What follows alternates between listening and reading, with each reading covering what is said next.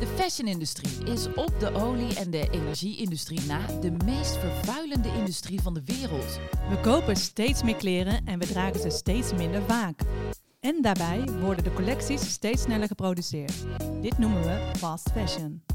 Wereldwijd is in 15 jaar tijd de verkoop van kleding verdubbeld.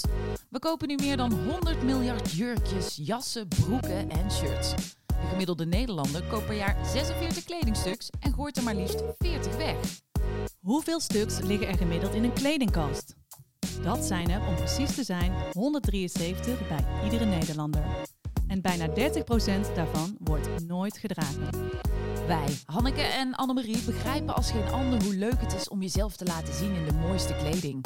Maar nu we steeds meer bewust worden van de gevolgen voor onze planeet, laat al dat shopgedrag toch een beetje een vieze nasmaak achter. En ja, we weten dat niks meer kopen pas echt duurzaam is. Maar wat als er een andere manier is?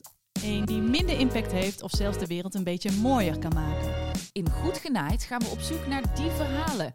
We praten met mensen die het verschil maken, die weten hoe de industrie echt in elkaar zit en die willen inspireren. Met open ogen onderzoeken we alles wat we tegenkomen. En we hopen dat jij met ons meegaat op ontdekkingsreis. Dit is Goed Genaaid, de klerenpodcast.